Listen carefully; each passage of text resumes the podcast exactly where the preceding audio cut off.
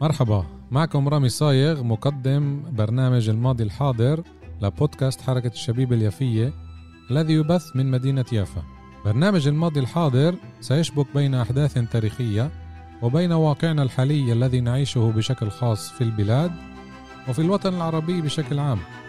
سأستضيف من خلال البرنامج شخصيات يافوية وفلسطينية للبحث في هذه الأحداث. مساء الخير. حلقة أخرى الماضي الحاضر معكم رامي صايغ. حلقتنا اليوم مميزة كتير. رح تكون مع ضيف عزيز علي الشاب الناشط رافت أبو عايش من بلدة القية في النقب. رح نحكي اليوم موضوع كتير مهم اللي هو التجربة العروبية في النقب. رافت ناشط سياسي واجتماعي زي ما قلت من بلدة القية من النقب كاتب صحفي وحصل على لقب أول حقوق. استضفته اليوم على أساس نحكي على موضوع جزء كبير منا بيجهله اللي هو الحركة العروبية أو التجربة العروبية في النقب. أول شيء أهلا وسهلا فيك رأفت على مدينة يافا. أهلا فيك نورتنا نورت مكاتب حركة الشباب اليافية وشكرا لوصولك من النقب. لاستضافتنا الحلقة هذه المميزة اللي أكيد رح نستفيد منها. آه، موضوع كتير شيق على أساس لما حكينا تحت الهواء إنه في كتير مواضيع رح نذكر الماضي والحاضر طبعا لأنه هذا هو الأساس إنه مش بس نضلنا متقوقعين بالماضي بس برضه لابد إنه نسمع المستمعين كيف كانت التجربة العروبية بالنقب ما قبل النكبة. حياك الله رامي وأهلين بالمستمعين إن شاء الله. آه، طبعا أنا جدا فخور في المشاركة مبسوط في, في وجودي دائما مع حركة الشباب اليافيه ومعك. آه، لطالما تابعنا يعني عمل هذه المجموعه وكل الفخر في في وجود هكذا حركات في في وطننا في الداخل الفلسطيني ككل. آه، اليوم راح نحكي يعني أنا كمان لما لما تطرح موضوع النقب دائما أنت تقع في في فخ نقص المصادر ونقص التوثيق. تاريخيا واليوم في الحاضر. والعمل يعني قد ما في عمل وضع على التجربة آه، إن كان العربية إن كان النضالية إن كان الحقوقية في النقب على مدار التاريخ ليس كافي. من باب أيضا التحديات اللي كانت مفروضة على هذا المجتمع تاريخيا والبعد عن مركز الحدث أو مركز صناعة القرار الفلسطيني. آه كمان في التجربة التاريخية كلها. في كثير إيش نحكي وأنا كمان مهم لي جدا ذكر آه، التجربة التاريخية. من باب اقتباس العبر وفهم لأن في تجربة تاريخية جدا مهم تعرض. في السنوات الأخيرة كان في محاولات تدوين وكان في كتابة وكان في توثيق من عدة كتاب عرب في النقب أو من الناس اللي اهتمت في كل التجربة تجربة تجربة الأرشفة ل للأحداث المركزية وللنقب مثل ممكن ذكر الدكتور صالح الزيادني وذكر دكتور منصور المصاصري وأشخاص آخرين اللي كتبوا في هذا الاتجاه وكتبوا كتب جيد جدا يعني ممتازة على الصعيد منصور المصاصري عمل عن بير السبع العثمانية. حكى راح نستضيفه لسه. آه إن شاء الله. راح يكون جدا مثير أنا أتوقع دكتور منصور آه، آه، موسوعه في هذا الاتجاه. فأنا أيضا راح أحكي كمان على على بئر السبع العثمانية. بعتقد يعني هذه مرحلة جدا مهمة دائما لما تذكر النقب تذكر سرد تاريخي ل عاصمة النقب. آه، الحاضنة. فكانوا بسموها بتعرف بئر السبع أم الخيام في في النقب يعني كانت سقف الحضارة للإنسان الموجود شيء جدا كبير. يعني حتى يعرف في في سقوط بئر السبع. آه تسمى عندنا في الذاكرة الشفهية تبعت عرب النقب كسرة بئر السبع. إن كسرت بئر السبع اللي كانت عصية على الكسر بالنسبة للناس يعني في الوعي تبع الناس. لما تمثله يعني من من عبر مش بس المباني. بالتالي إنما كمان من الحضور السياسي تبع شيوخ القبائل والأشخاص الأهم في الحالة الاجتماعية في النقب يعني على مدار التاريخ. وبئر السبع يعني مهمه جدا أعتقد في في كل في كل الخريطة السياسية تبعت المنطقة. كانت دائما ممر آه، إن كان خلال الانتداب البريطاني إن كان خلال الاحتلال العثماني إن كان آه، خلال كل من حكم هذه المنطقة دائما كان لها دورها بئر السبع يعني من قوافل تجارية من درب العطور القديم من تمكين سياسي وعسكري يعني. هذه مهم ذكرها وراح نتطرق لها. إحنا نتطرق على تعال نقول النشاط أو الأشخاص. الحركة السياسية إذا بنفع نقول كيف كانت بالفترات السابقة؟ يعني بفترة الحكم العثماني هل كان في آه، مطاردة لهدول النشطاء زي ما إحنا بنعرف بأواخر الحكم العثماني بالقرن العشرين؟ كان في آه، حركة العثمانيين الجدد اللي حاربوا كل القوميين العرب. أكيد طالوا كمان نشطاء البدو بمنطقة النقاب. وطبعا بعد العثمانيين بالحضور الإنجليزي بالاحتلال الإنجليزي كيف كانت الحركة بهديك الأيام؟ هل كانت آه، تحت خطر؟ هل كان لها تحديات؟ إيش إيش الصورة العامة بهذيك الفترات؟ طيب يعني هو مهم اولا لما لما نحكي على أنا دائما بحب ذكر هذه الجملة. لما نحكي على منطقه معينه يعني نتعامل معها بشروط المنطقة نفسها أو بشروط التجربة تبعت المنطقة نفسها مع فصل معين عن الشكل الكامل لكن نربط القيم الأساسية والمضامين اللي, اللي كانت موجودة أو تحدد العمل في تلك الفترة. كان العمل السياسي كان العمل الفكري كان يعني الهوية الاجتماعية اللي موجودة في تلك المرحلة. طبعا يعني إذا نذكر القبائل العربية في في النقب طبعا إحنا نتحدث على مجتمع اللي هو بالأساس يعني كان مبني من بنية القبيلة والتحالفات آه، تبعت القبائل العربية وتم تسخيرها في اتجاه قومي بمرحلة معينة خلال خلال تجربة بئر السبع نفسها اللي راح أذكرها الحين. آه، أصول هذه القبائل هي من أصول عربية اللي لها شجرة يعني شجرة عائلة تقريبا لكل لكل قبيلة لكل عشيرة تربطها بالضبط لجذورها العربية مع الفتح الإسلامي ومع ومع مع تجربتها في في فلسطين التاريخية ومع حضورها.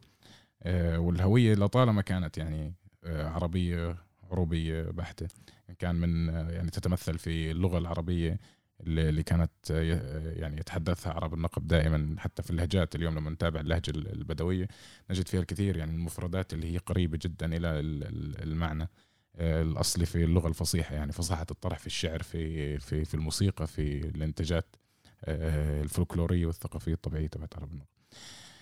خلال المرحلة العثمانية يعني أكثر ما وصلنا عن تجربة النقب في المرحلة العثمانية كان من الرواية الشفهية تبعت آه، كبار السن في في النقب. العديد من القصص العديد من الروايات يعني تتحدث عن تلك الفترة كيف كانت. الحين أنا ما راح أبدأ من تجربة التغير في الحالة التركية من ما ما كان يسمى بالخلافة العثمانية للمرحلة اللي تسمى بالدولة التركية القومية تبعت الاتحاد والترقي والتركية الفتاة وكذا. آه، لكن خلال التجربة العثمانية تبعت ما ما يسمى بالخلافة يعني نفسها يعني الشهادات من الناس آه، والقصص الشفهية اللي كان يذكرها عرب النقب كبار السن شيوخ كذا. يعني تتحدث عن فترة جدا صعبة في في النقب جدا صعبة من ناحية التضييق الضرائب آه، يعني الضرائب مثلا تجنيد. التجنيد الإجباري طبعا. التعامل الدوني مع مجتمع اللي هو أصلا يعني عزة نفسه تتملك في كل أفعاله يعني حتى كل كل منظومة العشائريه وكل منظومة العرفية تعتمد على موضوع عزة النفس والكرامة والهيبه ومصطلحات اللي هي قيمية أكثر بكثير فالتركي ما ما حضر يعني بطيب خاطر على على النقب ولا تعامل بطيب خاطر مع الناس يعني في في تلك المرحلة. يعني بعض القصص آه، سمعتها قبل فترة قصيرة يعني من من رجل كبير في السن تسعيني.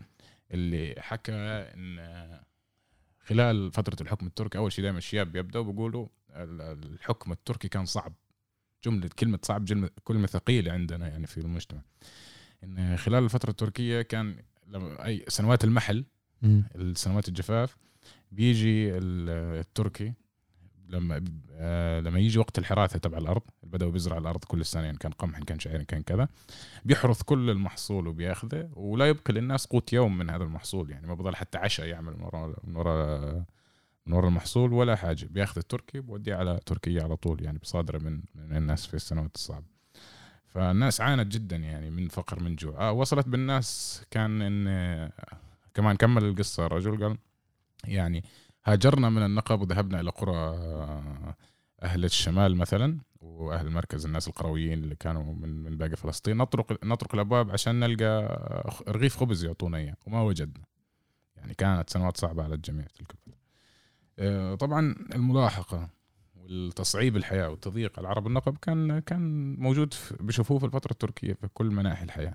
لكن يعني طالما كانت ردة الفعل من المجتمع موجوده وحاضره يعني إن المجتمع لا يقبل الدونية بطبيعة الحال يعني لا يقبل التعامل الدوني لا يقبل كذا. إن كان مثلا قتل آه، بدوي أو عربي من النقب على يد مجند تركي يعني يأخذ البدوي بالثار بنفس الدرجة. إن كانت إن أرادت تركيا التعامل مع عرب النقب في أي اتجاه معين عليها مثلا التعامل مع شيوخ القبائل بشكل مباشر وبشكل ندي في هذه المرحلة. آه، طبعا الصبغة الإسلامية تبعت الدولة في تلك المرحلة أثرت كثيرا على على تعامل عرب النقب مع مع الدولة. يعني حتى وهذا نموذج موجود يعني في كل العالم العربي حتى في الثورة العربية الكبرى بالرغم من كل المعاناة آه، مع الأتراك بالرغم من كل الإعدامات والتضييق والقتل والتجنيد الإجباري والتشريد. يعني آه، مثلا الشريف حسين لم يقم بالثورة العربية الكبرى إلا بعد تحول الخلافة من من صبغة الخلافة إلى صبغة الاتحاد والترقي في تلك المرة. آه على كل ما كان سهل. وكان في تضييق جدا جدا كبير موجود تجنيد إجباري تؤخذ الشباب آه، يتم تجنيدهم لكن في أي دائما التعامل الندي كان موجود دائما الدولة التركية آه، اضطرت إلى الاعتراف بالقضاء العشائري على أساس المنظومة حل النزاعات في المجتمع والتعامل مع المجتمع بهذا الندي. بالنديه اللي اللي يفرضها القضاء العشائري يعني زي ما البدوي بيقعد للبدوي في الحق لازم التركي كمان يقعد للبدوي في الحق. يحاسب يعني على على أفعاله. بفترات معينة بالحكم نقدر نقول الحكم واحتلال كله نفس المصطلح الإنجليزي. آه، برضه سمعنا إنه كان في اتفاقيات بين المندوب البريطاني وبين العشائر. هل هذا صحيح؟ إنه كان في خط بين الاثنين إنه رسموا حدود بيناتهم؟ الحين مهم إذا لما ننتقل من التجربه التركيه للتجربة العثمانية مهم صارت تجربة جدا مهمة اللي تتعلق يعني عشان فهم الحالة في في النقب يعني الحديث عن هذا هذا المجتمع الصحراوي البسيط اللي يعيش على قوت يومه ويحافظ على أرضه ومتوزع في كل أرض النقب التاريخية اللي كانت تملكها عشائر النقب آه، اللي كانت تقريبا إبان النكبه كان في 95 ألف عربي بدوي موجودين في النقب مالكين تقريبا كل أراضي النقب عاشوا فيها على مدار حياتهم كلها يعني 13 مليون دونم ارض الموجودين في النقب كانت مملوكة لهؤلاء البدو طبعا كانت الناس يعني ما بتطوب الأراضي كثير لأن ما مش بحاجة يدفع ضرائب للأتراك لكن متعارف عليها بين الناس وبعضهم بكوش بكوشنات ومكتوبة بينهم إن هذه الأرض للعشيره الفلانية هذه الأرض للانسان الفلاني هذه الأرض. خلال الانتقال من من الفترة التركية من المرحلة التركية والحكم التركي ل لبريطانيا بعد الحرب العالمية الأولى. آه، برزت تجربة جدا مهمة اللي كانت تجربة آه، تأسيس مدينة بير السبع القديمة. هي تأسست طبعا خلال الفترة العثمانية لكن خرج منها نفس الشخص اللي بادر لتأسيس هذه المدينة اللي هو الشيخ حماد الصوفي اللي يسمى يعني شيخ شيوخ النقب في تلك الفترة. آه، وحارب الشيخ حماد الصوفي نظم الجيش البدوي الأول آه، العرب الأول في الجنوب اللي حارب ضد آه، دخول الإنجليز إلى النقب تحت راية الدولة العثمانية لكن بمبادرة شخصية منه فجند كل قبائل عرب النقب تقريبا وجند آه، جيش اللي وصل تعداده من 1500 إلى 3000 جندي. هذا الجيش كان دورا يطرد الإنجليز والكتاب الانجليزيه وصلت إلى النقب من النقب كل بشكل كامل. فطرد فعلا الإنجليز من النقب استمر في السير وطرد الإنجليز من سيناء أيضا واشتبك مع الكتائب الانجليزيه في أكثر من موقع في سيناء اللي مسجلة يعني تاريخيا معروفه وابلى الجيش يعني بلاء جدا عظيم في, في تلك المعركة. كانت حالة حروريه بالدرجة الأولى. وتستمر وصل حتى قناة السويس. طبعا قبل الوصول لقناة السويس حمد الصوفي طلب آه، بعث برسالة لعبد الحميد الثاني. طلب منه إنه يمد بالسلاح من باب مواجهة المدفعية الإنجليزية اللي كانت موجودة في قناة السويس. لكن خوفا من آه، تكتل العرب قوميا في تلك المرحلة وخوفا من تسليح مجموعة عربية موجودة برغم إنها كانت تطرد الإنجليز يعني عن أرض العرب. رفض آه، رفضت القيادة التركية دعم محمد الصوفي بالسلاح. بالفعل في تلك المرحلة خسر الجيش العربي البدوي في سيناء الحرب مع المدفعية الإنجليزية. وعاد إلى النقب. طبعا كيف كان تصرف الأتراك؟ أو مهم نذكر يعني كيف كان تصرف الأتراك مع هذه التجربة؟ يعني في الآخر أنا طردت الإنجليز من من النقب طردت الإنجليز من سيناء لكن انسحبت من باب ليست لدي الأدوات إني أنا أواجه في مع المدفعية آه الإنجليزية. آه خلال لما عاد حماد الصوفي إلى النقب أرسلت تركيا في طلب الصوفي. وأرسلت في طلب أشخاص آخرين كمان آه، شيخ من عائلة أبو فعور شيخ من عائلة أبو ست شيوخ من شيوخ اللي كانوا شيوخ القبائل اللي حاربت في تلك المعركه آه، حماد الصوفي لم يذهب. رفض رفض الحضور. الشيوخ الاثنين اللي آه، استدعتهم تركيا قامت بإعدامهم في إسطنبول في تلك المرحله وبعدها حاولت إنها تجيب حماد الصوفي كمان بالغصب من النقب لكن قبائل النقب رفضت وتكتلت حوالين الصوفي. وبقي الصوفي في مكانه ووصلت بهم إنهم كافئوه بعدين من باب عدم يعني فتح نزاع جديد مع عرب النقب في تلك المرحلة الصعبة على الدولة التركية. وتم تكريم الصوفي بعدين تمليك أراضي معينة لكن هو تنازل عن الشيخة في تلك المرحلة أعتقد من باب خيبة الأمل يعني حسب التدوينات التاريخيه في في المسألة. فهذه التجربة آه، هنا نختم هني نختم مثلا تجربة التركية بتجربه الحكم أو الاحتلال التركي بالمعركة تحت هذه الراية تحت راية الخلافة الإسلامية على على الدخول الانجليزي أو الاستعمار الإنجليزي وبعدها أجت أجت بريطانيا. يعني يصدف أن حسب الروايات الشفهيه بريطانيا تعاملت مع عرب النقب أفضل ما تعاملت معهم تركيا. آه، بشكل أفضل كثير يعني. يعني بريطانيا تعاملت مع القضاء العشائري بشكل موضوعي. رسمي. آه رسمي جدا يعني. القرارات العشائرية تؤخذ بحذافيرها يتم تنفيذها. وكان في ندية معينة من التعامل يعني هذا أشد ما تبحث عن القبائل. يعني مش مهم أنا الحكم لمن أنا اللقب لي. أنا أرضي ارض العشائر ساكن فيها. العرف هو الطريقة اللي أنا بحل فيها نزاعاتي بفضل فيها. آه عندي حكم الذاتي. فهو يعني كان حكم ذاتي تقريبا في, في تلك المرحلة. مع ذلك خلال بداية مجيء اليهود للنقب و وتعنت الإنجليز في تلك المرحلة برز ثوار زي آه، هبوب الريح عيد الصانع الترابي اللي بعد ابان وفاته يعني عيد الصانع الإنجليز وضع على رأسه آه، غير الجائزة وضع وضع على رأسه آه، أو ألبسوه إنه قتل تقريبا 100 مستوطن يهودي وجندي إنجليزي لحال الإنسان. يعني لماذا يسمى هبوب الريح من باب إنه كان بيقتل بسرعة ويختبئ في الصحراء الإنسان فما كانوا بيلقوه يعني. ومات في في معركة في البتراء يعني أو في معركة مع مجموعة مقاتلة يعني اللي هو أسسها. و يعني دائما كان في بالذات يعني الحالة الحالة الثورية كانت دائما موجودة في هذا المجتمع الفطري يعني. ما بنحكي مجتمع متعلم يعني آه، بالضرورة. لكن العلاقه هي فطرية والفهم هي فطري والأشياء هي تذهب بالحفظ والكتابة يعني. كان في تدوين كان في كتابة في المجتمع لكن مش بالصورة اللي البوست مودرن اللي تصور يعني عن المجتمعات كيف إيه، بنوصل لمعارك اللي كانت ب 48 طبعا اللي متعمق بالتاريخ بيعرف إنه اليهود الصهاينة ما احتلوش كل فلسطين أول ال 48 أخذهم مراحل أول شيء سقطت حيفا يافا بعدين بشهر سبعة الرمل اللد بعدين الجليل بعدين بشهر عشرة سنة 49 النقب. كان في عدة أشهر بين كل مدينة ومدينة لحد ما سيطروا على كل فلسطين اللي بنعرفها. بصحح حالي كنت أقول فلسطين التاريخية. هي هذا مصطلح برضه غلط. فلسطين إحنا بنعرفها. إيه، بمنطقة الجنوب كنا نعرف إنه كان في مساعدات من الجيش المصري اللي وصل حتى لحدود الخليل كمان.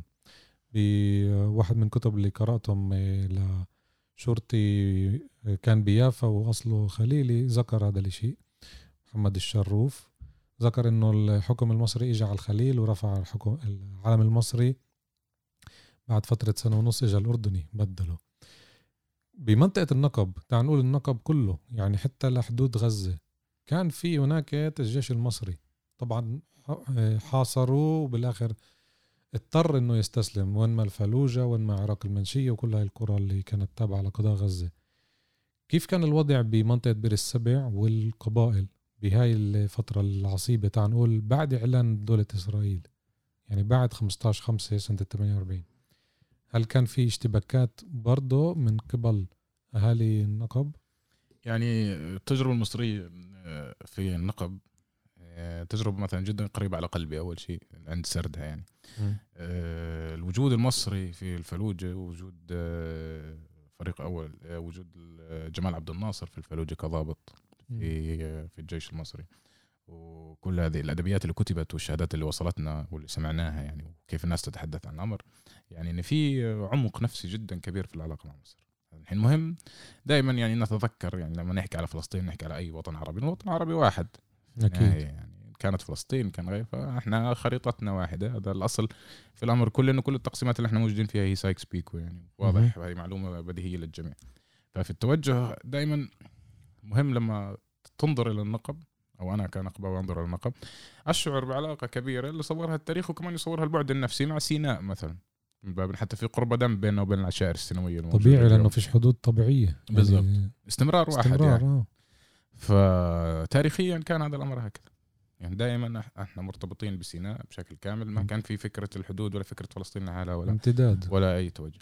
التجربة العسكرية المصرية في فلسطين والحرب في فلسطين آه، أثبتت هذا الأمر بشكل بشكل كبير جدا. خلال حصار عبد الناصر في الفلوجة يذكر الناس ويكتب الكتاب أيضا في الكثير من آه، من المصادر أن الوحيد اللي كان يوفر خط الإمداد الوحيد للجيش المصري في الحصار كان عرب النقب. مثلا. آه، خلال عودة الجيش المصري هذه معلومة يعني بشهادات الناس اللي, اللي كانت موجودة. آه، وأبنائهم. خلال عودة الجيش المصري واحدة من القصص أن الجيش المصري نام ثلاثة أيام ومنهم كان الضابط آه، جمال عبد الناصر. ثلاثة أيام في بيت الشيخ آه، سليمان أبو قرنات في النقب بيت في جنوب النقب هذا الشيخ يعني تعرف على جمال عبد الناصر واستضافه وكذا. ال- الأجمل من ذلك كان أن ما بعد عودة الجيش المصري ما بعد ثورة الضباط الأحرار في مصر مبعوثين من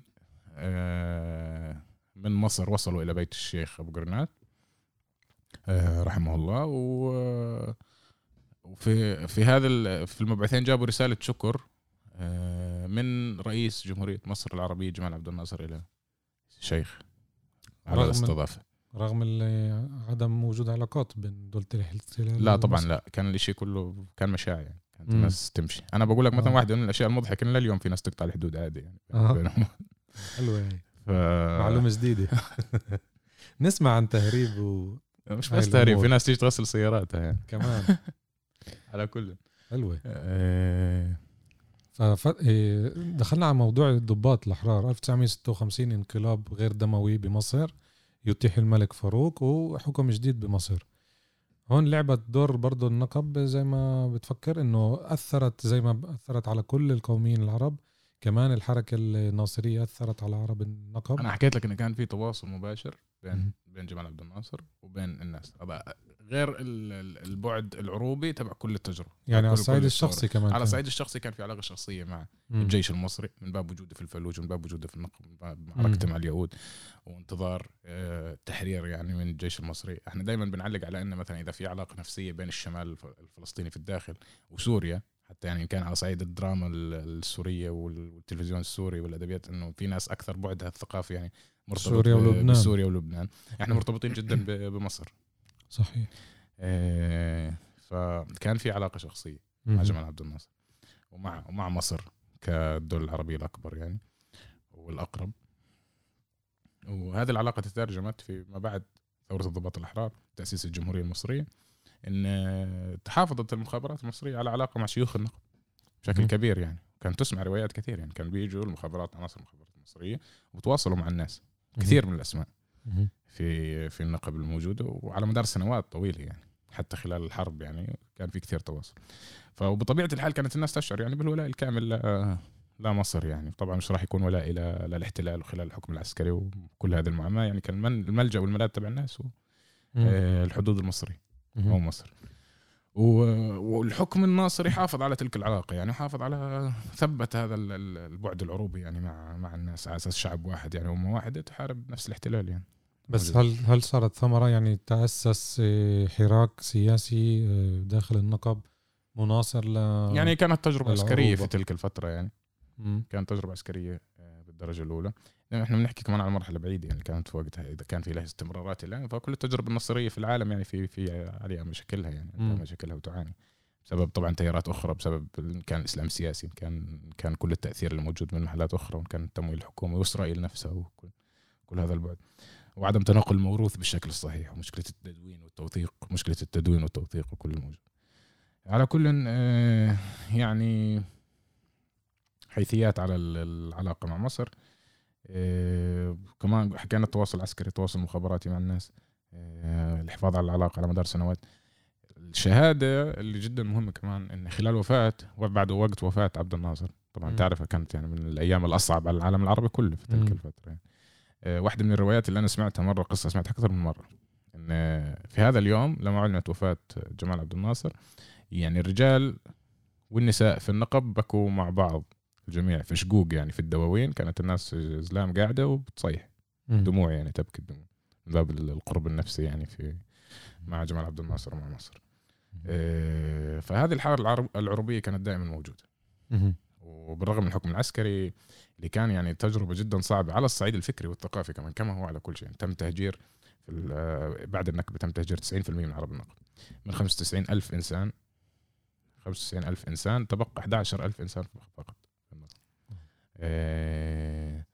هذا الناس خل يعني خلصت عشائر كاملة اختفت من.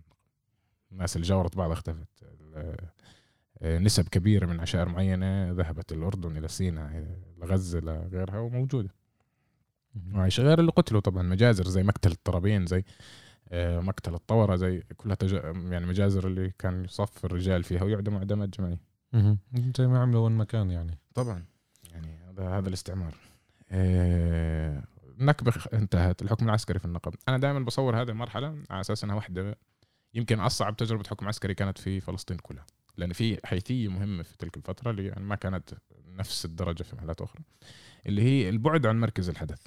النقب كان دائما بعيد فهو بعيد عن مركز صناعة القرار الفلسطيني وبالتالي بعيد عن العمل ال- السياسي التوعوي وعن العمل السياسي ككل والعلاقة وحفظ حفظ آه، حفظ ال- الموروث الفكري. آه، وحفظ الهوية الوطنية كمان يعني. فعندك آه، فترة الحكم العسكري كلها ما كان في حراك سياسي ما كان في نخبة مثقفين موجودة في النقب معظم المجتمع تهجر. اللي بيتهجر بشكل عام أو عنده القدرة يتهجر هو الناس اللي معها أكثر مصاري. آه، بالتالي فهي الناس الاكثر نخبوية من الناس اللي ظلت موجودة. صحيح. اللي هي أضعف. فصار عندك آه، انكسار فكري معين يعني ثقافي في الفترة.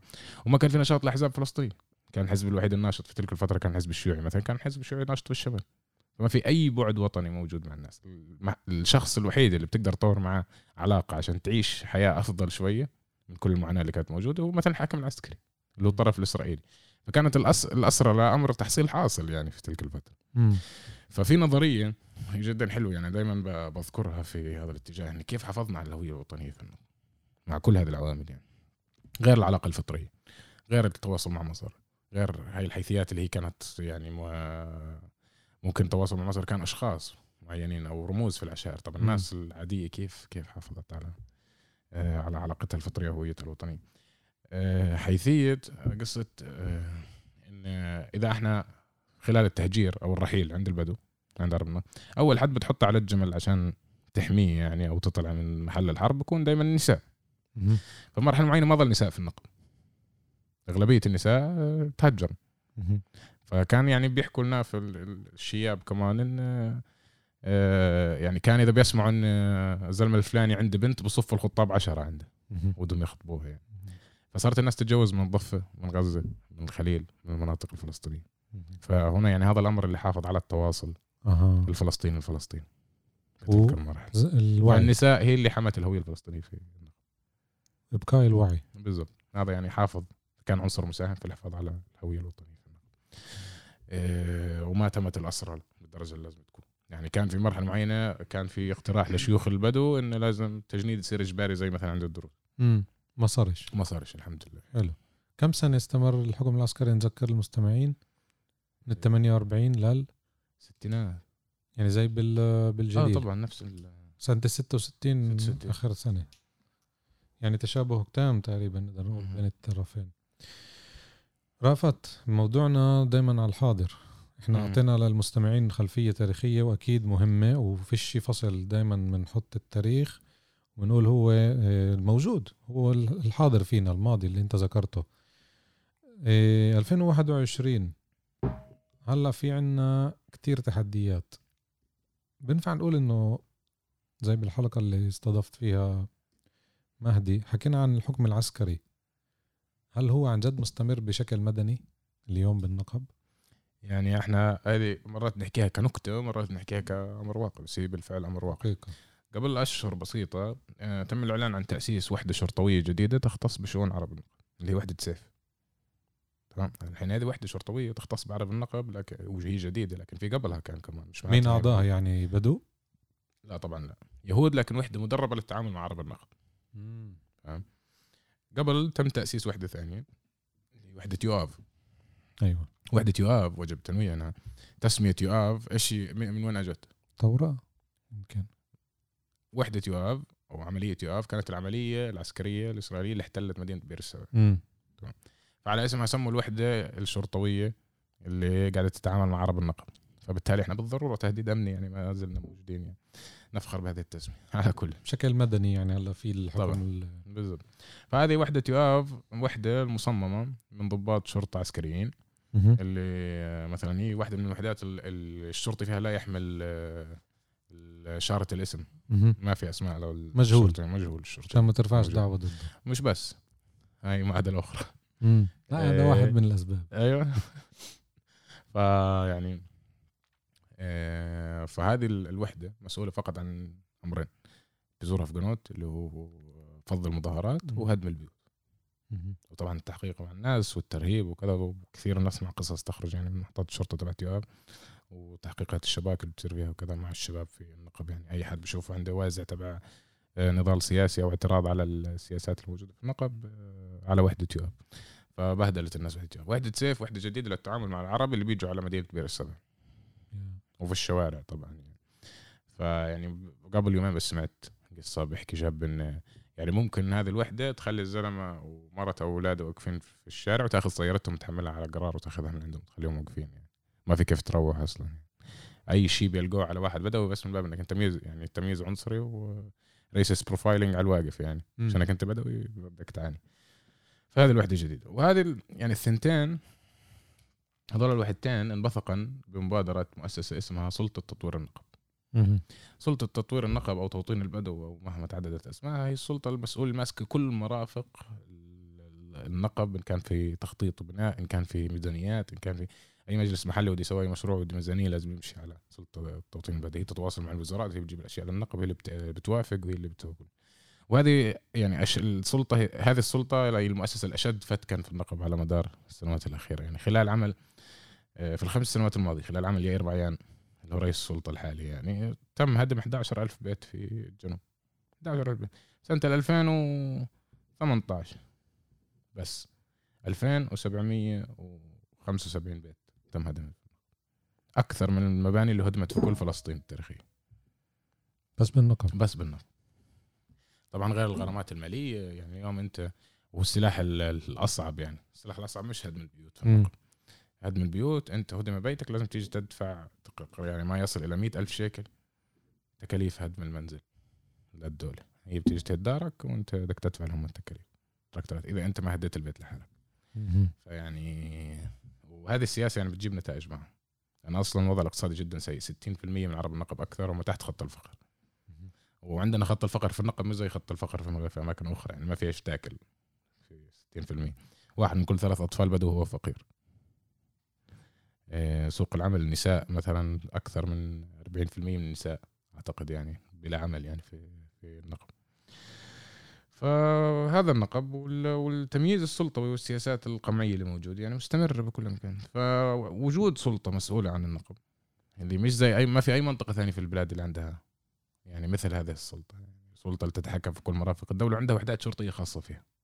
فهذه يعني نموذج حكم عسكري كامل. أنت تحت حكم عسكري فعلا يعني. حكم مدني ب... عسكري بغطاء مدني. ابارتهايد حلو يعني بينك آه. ابارتهايد. دائما بنجيب سيرة العراقيب يعني إشي مش طبيعي اللي بيصير هناك. كل أسبوع أو كل أسبوعين في هدم. صحيح. أكيد في زيها قرى مش ماخدة هالقد اهتمام بالصحافة بس أكيد مش بس العراقيب بتعاني من الهدم اللي بنحكي عنه. يعني العراقيب وفي كل قرى النقب فيها هدم بيوت لكن العراقيب فيها هدم قرية قرى يعني قرية كاملة. قرية كاملة. يعني خيام الناس اليوم للمرة يعني 200 وصلت. مم.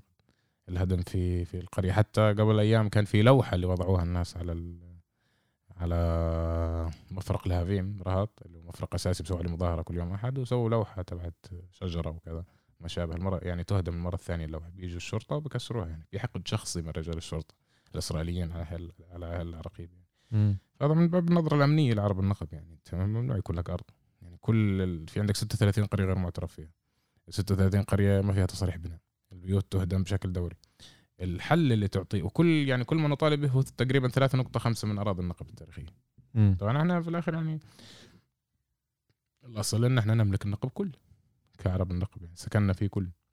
لكن اليوم نحارب على 3.5 من الأرض المتبقية لنا اللي تم حصرنا فيها يعني بعد بعد بعد نكبة 48 وهذا ما نحارب عليه بس إيش ال- ال- الحل الوحيد اللي تقترح السلطة؟ هو وضع توطين. بالضبط نقل أهالي القرى غير معترف فيها من أراضيهم للقرى القائمة السبع. اللي تحولت ل يعني ملاعب للعنف ولا البطالة زي رهط. بالضبط مثلا.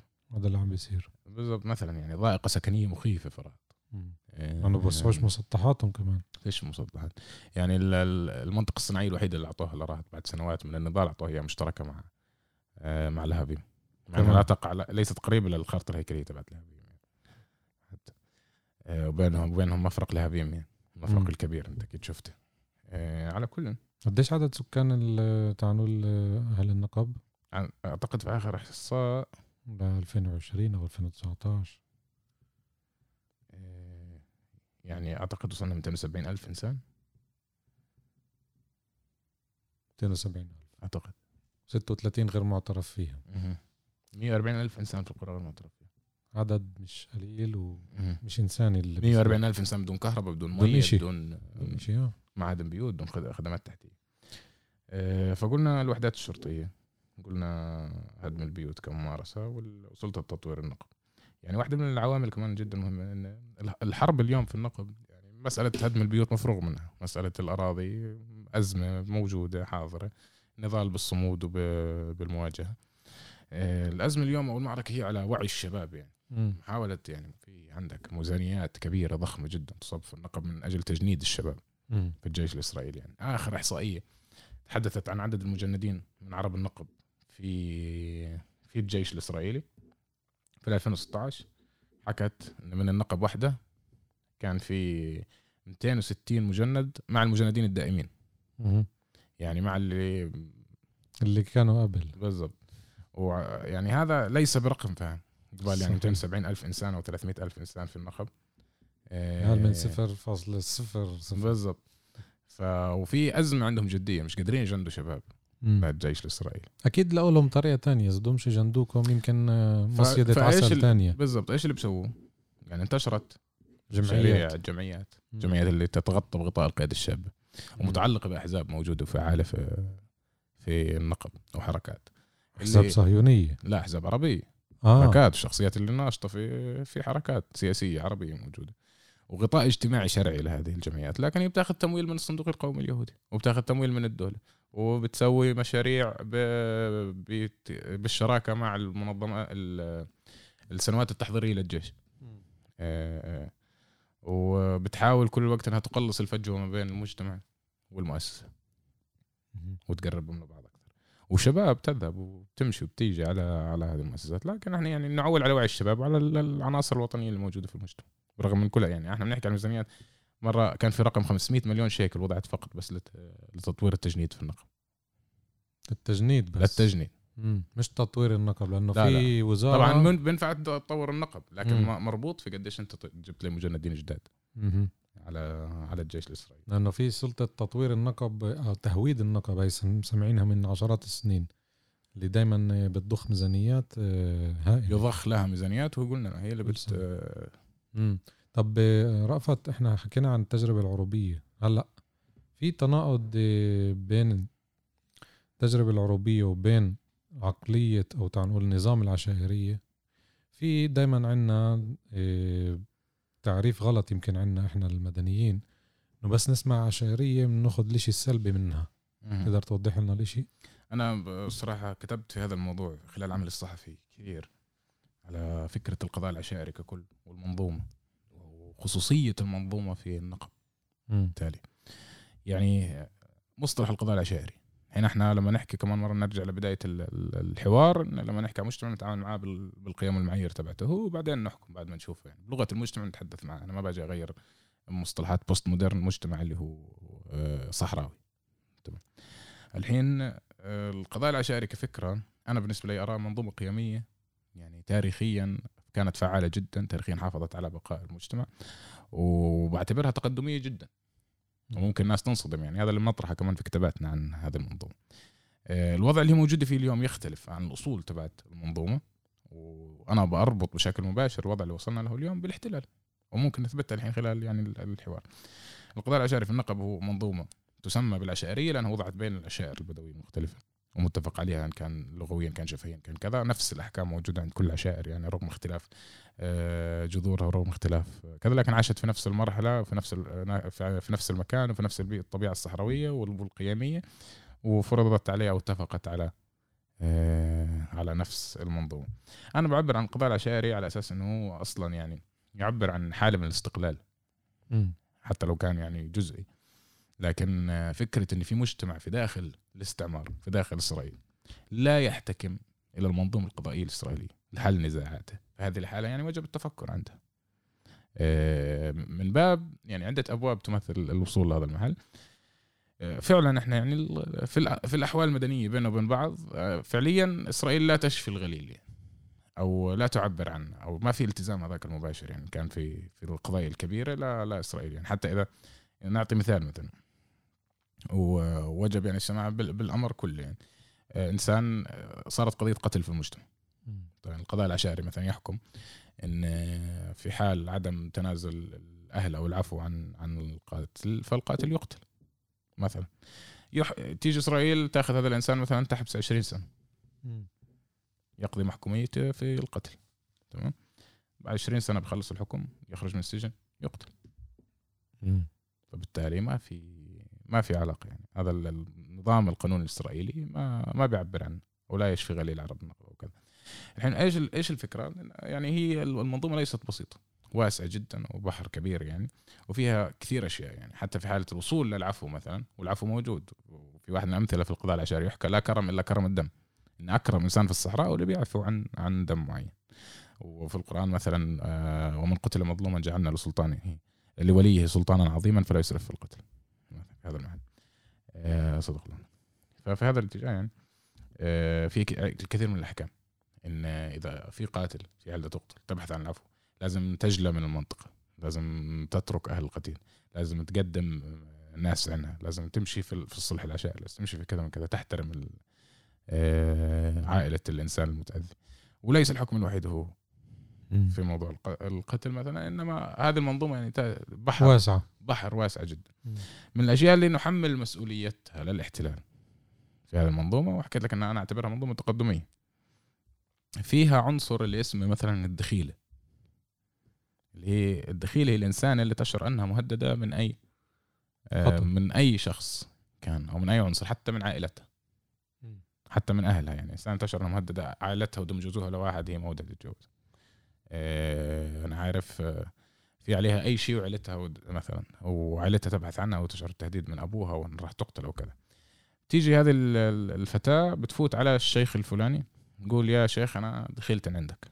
حالة دخلتها على هذا الشيخ مش مهم هل أخطأت لم تخطئ أي أي أمر كان. فهي في حماية مباشرة من هذا الشيخ تحولت لبنته في نفس اللحظة. هاي اللي اليوم موجودة ل 2021 اليوم صار في بنميات امم إيش يعني؟ يعني صار في بيوت آمنة وملاجئ و... وصارت الدولة هي اللي توفر حماية للنساء. أكيد بس إنه بداخل المجتمع البدوي يعني ما زالت موجودة لكن ضعيفة المنظومه ضعيفة. ضعيفة. من باب ليش؟ لأن الدولة في السنوات الأخيرة حاولت إنها وكأنها توفر بدائل. طبعا إحنا من النتائج اللي بنشوفها اجتماعيا هذه البدائل ما ما مش بدائل. دمرت حياة الكثير من الفتيات. عملية الدخالة نفسها يعني تعطي الفتاة بيت جديد أب جديد. آه هذا أنت جزء من كرامتك أو كرامتك كلها هي في دخيلتك أو دخيلك اللي بفوت عندك. أنت تحولت لبنتك في نفس اللحظة. إذا عليها هديه لازم تدفع ديتها. إذا بدها تتجوز إنسان مثلا وعشان أهلها مش راضيين أنت بتجوزها له آه طبعا. آه إذا يعني بتح... بيحلفوا يمين عنهن كمان. كثير من القصص الكثير من القصص العميقة جدا في موضوع الدخالة. وإذا أنت لم تحمي دخيلتك وأهلها قتلوا هي عندك فأنت كرامتك راحت كشيخ فأنت بالتالي توفر الحماية وهذا كان دائما موجود. ودائما في بنات تدخل على الشيوخ ودائما يتم حمايتهم يعني في المجتمع. أضف إلى ذلك كمان كمان عنصر جدا تقدمي أنا بحكي على هذا الحكم يعني في القضاء العشائري آه شيء اسمه صيحه الأضحى وصيحه الفجر صيحه اضحى الانسانه اللي اللي يتم الاعتداء عليها جنسيا أو آه، تتعرض للاغتصاب في المجتمع إيش حكمها؟ الحكم تبع انسانه تم آه، الاعتداء على عرضها في في المجتمع الصحراوي هو انها تقتل المعتدي عليها بالسيف أمام عشيرتها إذا كان عشيرتها أو أمام عشيرته إن كان عشيرته يعني أنا بشوف حكم جدا تقدم الصراحة. يعني فهذا دائما كان حكم. فهو هذا الفكرة من القضاء العشائري هي منظومة اللي تاخذ الضعيف وتعطيه تحميه بالضبط. أنا لما بدخل ودي قاضي يقضي في قصتي بلاقي الإنسان اللي عشيرته قويه في حالة أنا عشيرتي ضعيف. هذا المحل.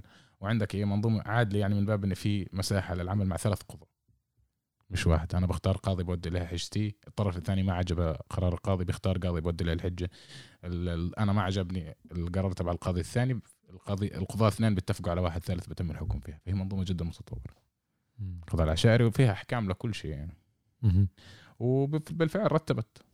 رتبت حياة عرب النقب على مدار سنوات طويلة. كيف بنفوت الحركة العروبية فيها؟ آه، إيش حكم اللي ببيع الأرض لليهود؟ امم يعني. إيش حكم اللي ببيع الأرض لليهود؟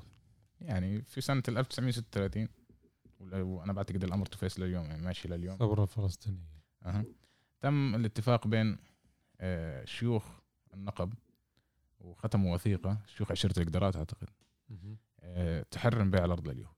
كل إنسان ببيع أرض لليهود فهو تالي من ولي من كذا من كذا من كذا يتم حسبته شعريا بشكل مباشر. أه وحكم تسريب الأرض وسرقة الأرض يعني أحكام جدا كبيرة في القضاء العشائري. وبالضرورة القضاء العشائري يعني يتعامل بندية مع كل نظام حكم كان موجود. حكينا ان التركي. وجب أن يا بيتحول دم بيني وبين جماعتي يعني هذا المحل. البريطاني نفس الأمر تعامل جدية معه. وأنا أحكي لك إن كان في قصص كثيرة على ناس بدو من عرب النقب. يتم الاعتداء عليهم من شرطه إسرائيلي مثلا. فالبدوي ما بينسى هواته يعني. آه يلاحق هذا الشرطي على مدار سنوات. وسوي له حياة جدا صعبة. وصلت بشرطة إسرائيليين هم يجوا يتقاضوا في القضاء العشائري مع شباب بدو اللي ضربوهم واعتدوا عليهم في محطات الشرطة. فعشان كذا أنت هذه واحدة من الأمثلة ليش وحدة يوآف بطلت تحط الاسم تبعها على ال... على آه. البلايز تبعته. فبيلحقك بيلحقك العار يعني. يعني حتى العائله اللي يقتل منها شاب بأيدي الشرطة الإسرائيلية يعني تعاير بالأمر.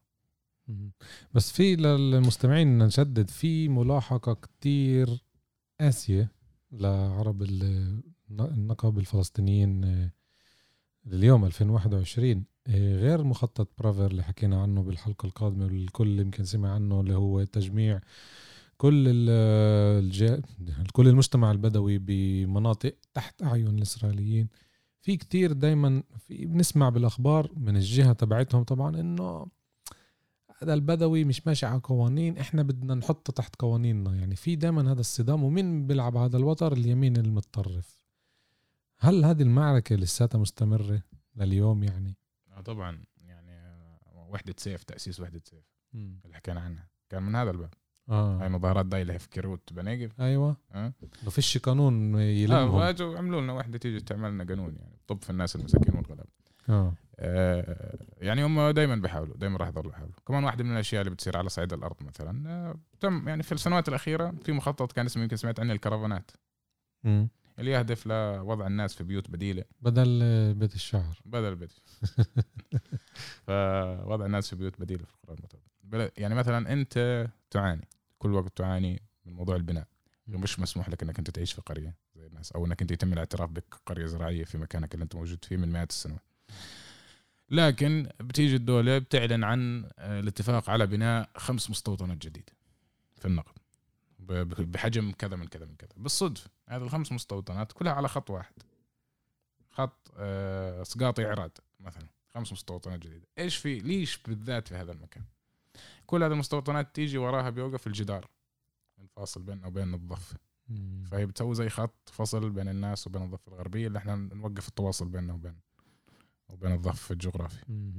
آه، دي يجي الدولة تعلن عن مناطق عسكرية جديدة. مثلا قبل فترة أعلن في مخطط الكرفانات كمان آه، جزء من هذا المخطط في خطة لكيت القاعدة الاستخباراتية العسكرية لكيت. أكبر قاعدة استخباراتية في البلاد راح تنبني وين في حدود قريتنا اللقية مثلا. 15 ألف وحدة سكنية لجنود إسرائيليين ومش راح تدفع أرنونة كمان للقية راح تدفع أرنونة لعمر مع أنها مش مش قريبة لعمر حتى. إيه طب ليش؟ ليش تبنى كل هذه المناطق العسكرية؟ وليش مش في الأراضي الفاتحة اللي موجودة مثلا الكبار اللي صاروا ماخذينها من الناس؟ هل فقط لمصادرة الأرض؟ لا. من باب وجود يعني صناعة حضور أمني في قلب القرى تبعت عرب النقب في قلب المناطق التجمعات السكنية تبعتنا إحنا. لازم الجيش يكون موجود لازم الوحدات العسكرية تكون موجودة كأمر طبيعي يعني بديهي جدا لحد من حركتك أنت وحد من من مراقبة. منطقتك ويراقبك بالضبط. وعز حتى من ناحية نفسية إنك أنت تشوف الجيش حواليك بلكن كسر الأمر شوكتك أنت كمجتمع. وتخويف و بالضبط بالضبط. كل هاي الأمور. بالضبط. فمضايقهم مضايقينهم يعني رامي كثير. طلع 270 قلت لي 270 أفكر ان إحنا أكثر هذا الرقم اللي معي في رأسي أنا يعني أفكر إنه أكثر. إيه نسبة أكثر من اليهود فكرة؟ كيف المعادلة؟ لا لا اليهود أكثر. وكل وقت في مشاريع بيجيبوهم يعني. آه. آه في حيث مهمة على فكرة يعني. في 114 آه تجمع سكني يهودي في في النقب. النقب. طبعا زادا في السنوات الأخيرة يعني. آه، هذا المش... هذه التجمعات يعني تختلف من كيبوتز قرية زراعية مم. مشاف كمان مختلف يعني. لا عيارات العيارات بتوح لا مصطلحات، لا مدينة آه، مصطلحات حسب. بالضبط. يعني يعني. تختلف بينها وبين بعضها. وفي مزارع فردية كمان. كمان. الخفوت بوديد. طبعا يعني في عندك فوق يعني مئات المزارع الفردية في النقب. آه. المزرعة الفردية هذا نموذج جدا مهم. طرح في النقب ممكن عائله كذا أنت يهود. حكوا عنها بأخبارهم. أيوه. إنه كيف بيعانوا من سرقات البدو. الحمد لله مليح اللي أقول لك بتيجي مثلا عيلة آه، أب وأم وابن وكلب أي آه. حاجة وبقولوا إحنا حلمنا إن إحنا نسكن في النقب نزرع بدنا نزرع النقب عنب فبتيجي الدولة بتقول لهم يا مرحبا بكم يعني تعالوا اسكنوا بنعطيكم مثلا ألف دلم. أرض. في مزارع فردية قاعدة على 10000 دلم لا- تستغرب يعني. ألف دلم وقعدوا فيه نزرعوهم بسوي فيهم تمر بسوي فيهم آه، أوتيل بسوي فيهم كذا. ال- الأنكا مذكر أم الحران أيوه. أم الحران طبعا تم آه، الإعلان عن هدمها آه، لصناعة مستوطنه اللي اسمها حيران اليهوديه في مكانها. آه، سنوات طويلة قالوا إن هذه القرية بعيدة وموجودة على الحدود وكذا وصعب ايصال الخدمات اللي هي وما أعطوا الناس لا كهرباء ولا مية ولا كذا برغم إن تم نقلهم لهذه المنطقة من أرضهم الأصلية على أيدي الجيش الإسرائيلي أصلا يعني. في سنوات ال- الخمسين. آه، ودهم يحطوا محلها حيران. لما كنا في ام الحيران في المظاهرات وكذا في النشاطات الاجتماعية كنت تقدر تمسك واي فاي اسمه Golden Dog. هناك. بدك تفهم هذا الواي فاي من وين جاي؟ أصلا ما في عمدان كهرباء اذا في المنطقة. Golden Dog هي مزرعة فردية اللي فيها سووا مقبرة للكلاب وأوتيل للكلاب. إذا أنت بدك تسافر برا البلاد تقدر تحط الكلاب تبعتك فيها اللي هي في حد أم الحران في عندها عمدان كهرباء خاصة فيها بتوصل لعندها عمدان تلفونات خاصة فيها بتوصل لعندها. دكتور بوصلهم مرتين في الأسبوع. واي فاي أنت بتقدر تلقطه في أم الحران وكلهم ثلاث اربعه اللي ساكنين فيها يعني. للكلاب حظوظ؟ فهذا هذا يعني هذه ال- هذه العنصرية ال- البينة اللي إحنا بنحكي عليها. بس we are making the desert green على على قولتهم. على سيرة الديموغرافية بير السبع كم من عربي فلسطيني ككل. سمعت إنه في فلسطينيين من الشمال بيجوا بيسكنوا بير في معلمين وطلاب و... صار في حاجة. بس فيش تنظيم هناك سمعت. إنه- لا لا فيش فيش حركة سياسية وكذا. الناس تتعامل مع المنطقة. أو اجتماعية حتى ولا مش بس لا. سياسية. بس ال- ال- الناس على علاقة يعني مع قرى النقب فاهم. يعني هم جزء من المجتمع التقليدي يعني في جزء من المجتمعات الطبيعية في قرى النقب يعني. حتى ساكنين في السبع الكل محافظ على علاقة يعني. أنا علمت مدرسة سنتين. آه، في علاقة كاملة يعني بين الناس وبعضهم. نيجي نمشي على بعض بيعيش في بيوتنا يعني بتاكل بياكلوا عندنا بنتعامل مع بعض بشكل طبيعي يعني مجتمع كامل. آه، بالرغم إنهم ساكنين في ال- في المدينة اليهودية يعني. بس في الآخر يعني إيش الفكرة من كل بير السبع؟ يعني هي هذا هذا المتروبوليتان هذا اللي في النص. يعني. آه، كل البلدات البدوية تقريبا نفس البعد عن المدينة.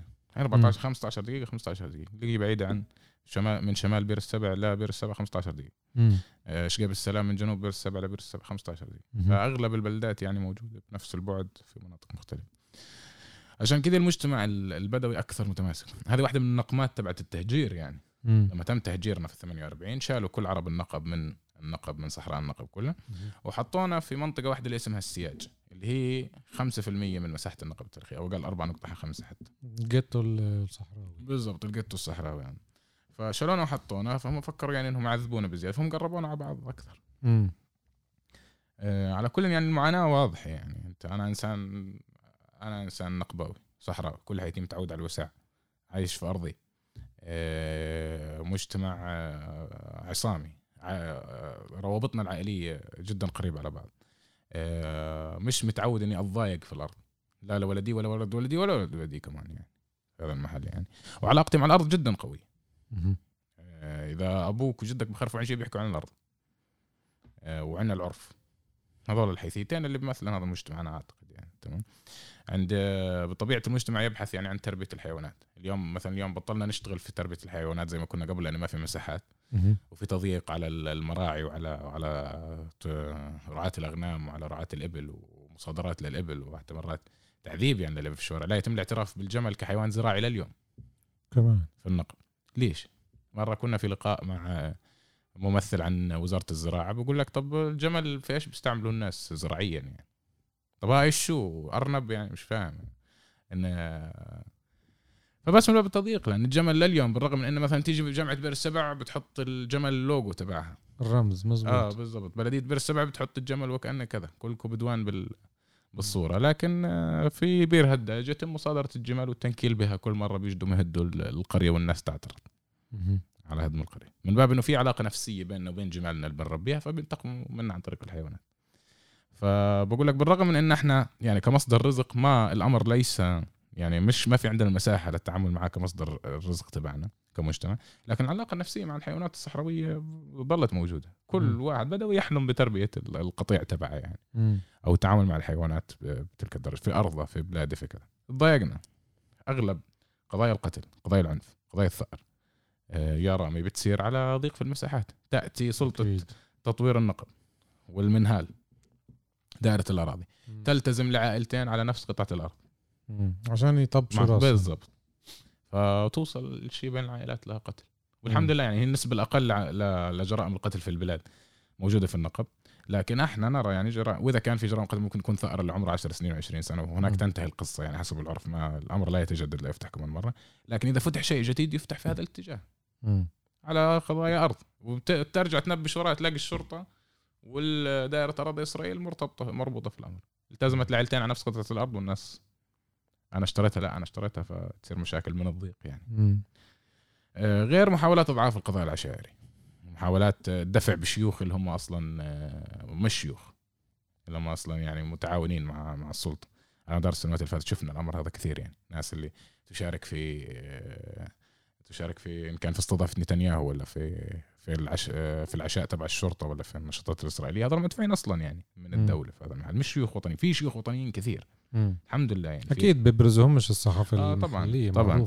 يعني حتى حتى على تعاملهم وممار- وممارساتهم بتشوف مم. الإنسان اللي عنده بعد وطني الفرق بينه وبين أحد آخر أكيد يعني في في شيوخ اليوم تأخذ دراهم على حل القضايا العشائرية تسمى رزقة البيت يعني تاريخيا مثلا حيثية رزقة البيت فكر فيها كلمة رزقه بيت إيش معناها يعني رزقه البيت كانت إن بيجوا الناس اللي تقاضوا عندك بحطوا مبلغ بسيط اللي هو من باب إنك أنت ذبحت مثلا 10 خرفان للناس الضيوف فبيغطي لك هذا التكليف اليوم صار هات لي 5000 دينار وبحل لك قصتك بطلعك منها مثلا فهذول مدفوعين أصلا يعني مش شيوخ اللي تحركوا قيميا وصاروا رجال إصلاح يعني إنهم مدفوعين من الاحتلال.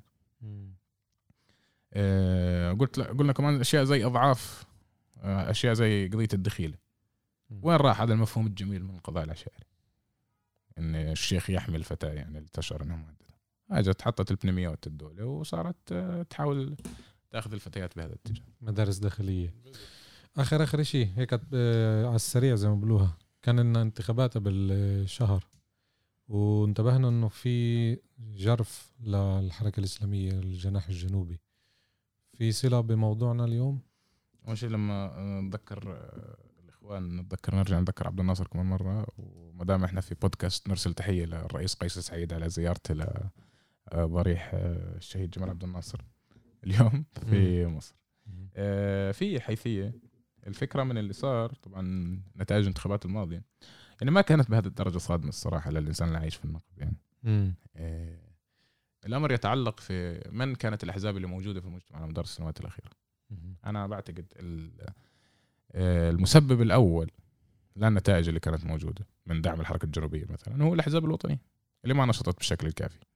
في المجتمع النقباوي على مدار السنوات الماضية وأجت هذه ال- ال- الحركات اللي اللي معها تمويل كبير وسدت ثغرات في مجتمع فقير وتواصلت مع المجتمع اللي هو أصلا محافظ بحجة الدين آه، وعلمت مفاهيم مختلفة يعني ومفاهيم اللي بالنسبة لي هي رسائل قريبة للمجتمع من ناحية نفسية ووصلت إلى هذا المحل اللي موجود فيه. آه، طبعا أنا عندي تحفظ كبير كل حياتي يعني كانسان عروبي على عمل الحركات ال- آه، الحركات اللي تتغطى بغطاء الدين سياسيا يعني آه، وتاريخيا في النقب يعني واحدة من الأشياء أنا أذكر يعني بداية الحركة الإسلامية في النقب مثلا كانت باول أول بند تحريمي سووه كان تحريم الثوب المطرز البدوي آه حيث هذه حيثية لازم لازم تذكر يعني. ده غريب. آه حرموه فعلا وصار بدهم الناس تلبس البنات تلبس جلابيب. محل الثوب المطرز مع الثوب المطرز في جزء ثوب برز سبع معروف. طبعا. فهذا حرم. مم. هذه معلومة سمعتها قبل أشهر يعني. مم. آه وهذا خطير جدا يعني. هذا شيء أساسي في عمود ثقافي تغيير معالم يعني. ال بالضبط. صحيح. يعني هوية ثقافية محيت مع هذا الثوب يعني. والكثير من الأشياء الأخرى يعني زيارات القبور هاي الأشياء كلها مثلا حرمت مع انها كانت يعني عادات اجتماعية موجودة. آه، يعني في سيروره إنه اشتغلوا على المجتمع لسنوات مش من آه امبارح. طبعا طبعا. واجت كحركات إغاثة أو دعم في هذا المجتمع الفقير اللي بيعاني حكينا كم المعاناة اللي موجود وكم الفقر اللي موجود وتواصلت مع المجتمع و... وبنت علاقة معه من باب سد الثغرات اللي مأسسها الاحتلال, الاحتلال في هذا المجتمع. آه، لكن هذه هذه مشكلة. لأن في تأثير نفسي على المجتمع ككل في تغيير اجتماعي على المجتمع. في الأمر يؤثر سياسيا كمان. أنا لما أخذ المجتمع من محل تبع ان صمودك ووجودك على الأرض هو حالة نضالية تجربة تاريخية ويجب أن تكرس وتدرس وتفهم بالشكل الكافي ونقدر هذا الصمود لمحل إن أصمد عشان تأخذ خدمات. هذا مسألة جدية هذه مشكلة. يعني في مشكلة في الخطاب. فأنا بعتقد مسؤولية جدية على الأحزاب الوطنية والعروبيه في في الداخل إنها تعيد بناء نفسها في النقب وتراجع نفسها على الأخطاء اللي كانت موجودة. طبعا النتائج يعني كانت في كل البلاد كان في مشكلة مش بس في النقب برزت مهم بالنقب. يعني. أكيد أكيد. برزت يعني في البلاد تقاسموا بلدات رئيسية مع. مع الأحزاب الوطنية. آه، وفي النقب أنا بقول لك هم كانوا موجودين غيرهم ما كانوا موجودين. في أمل؟ لتقوية التجربة العربيه دائما دائما في امل أنا دائما بعول على الوعي الفطري تبع الناس. في الآخر الناس الناس عربية بطبيعتها وفطرتها هي اللي حمتها خلال الحكم العسكري وإحنا مش أصعب من الحكم العسكري اليوم موجودين.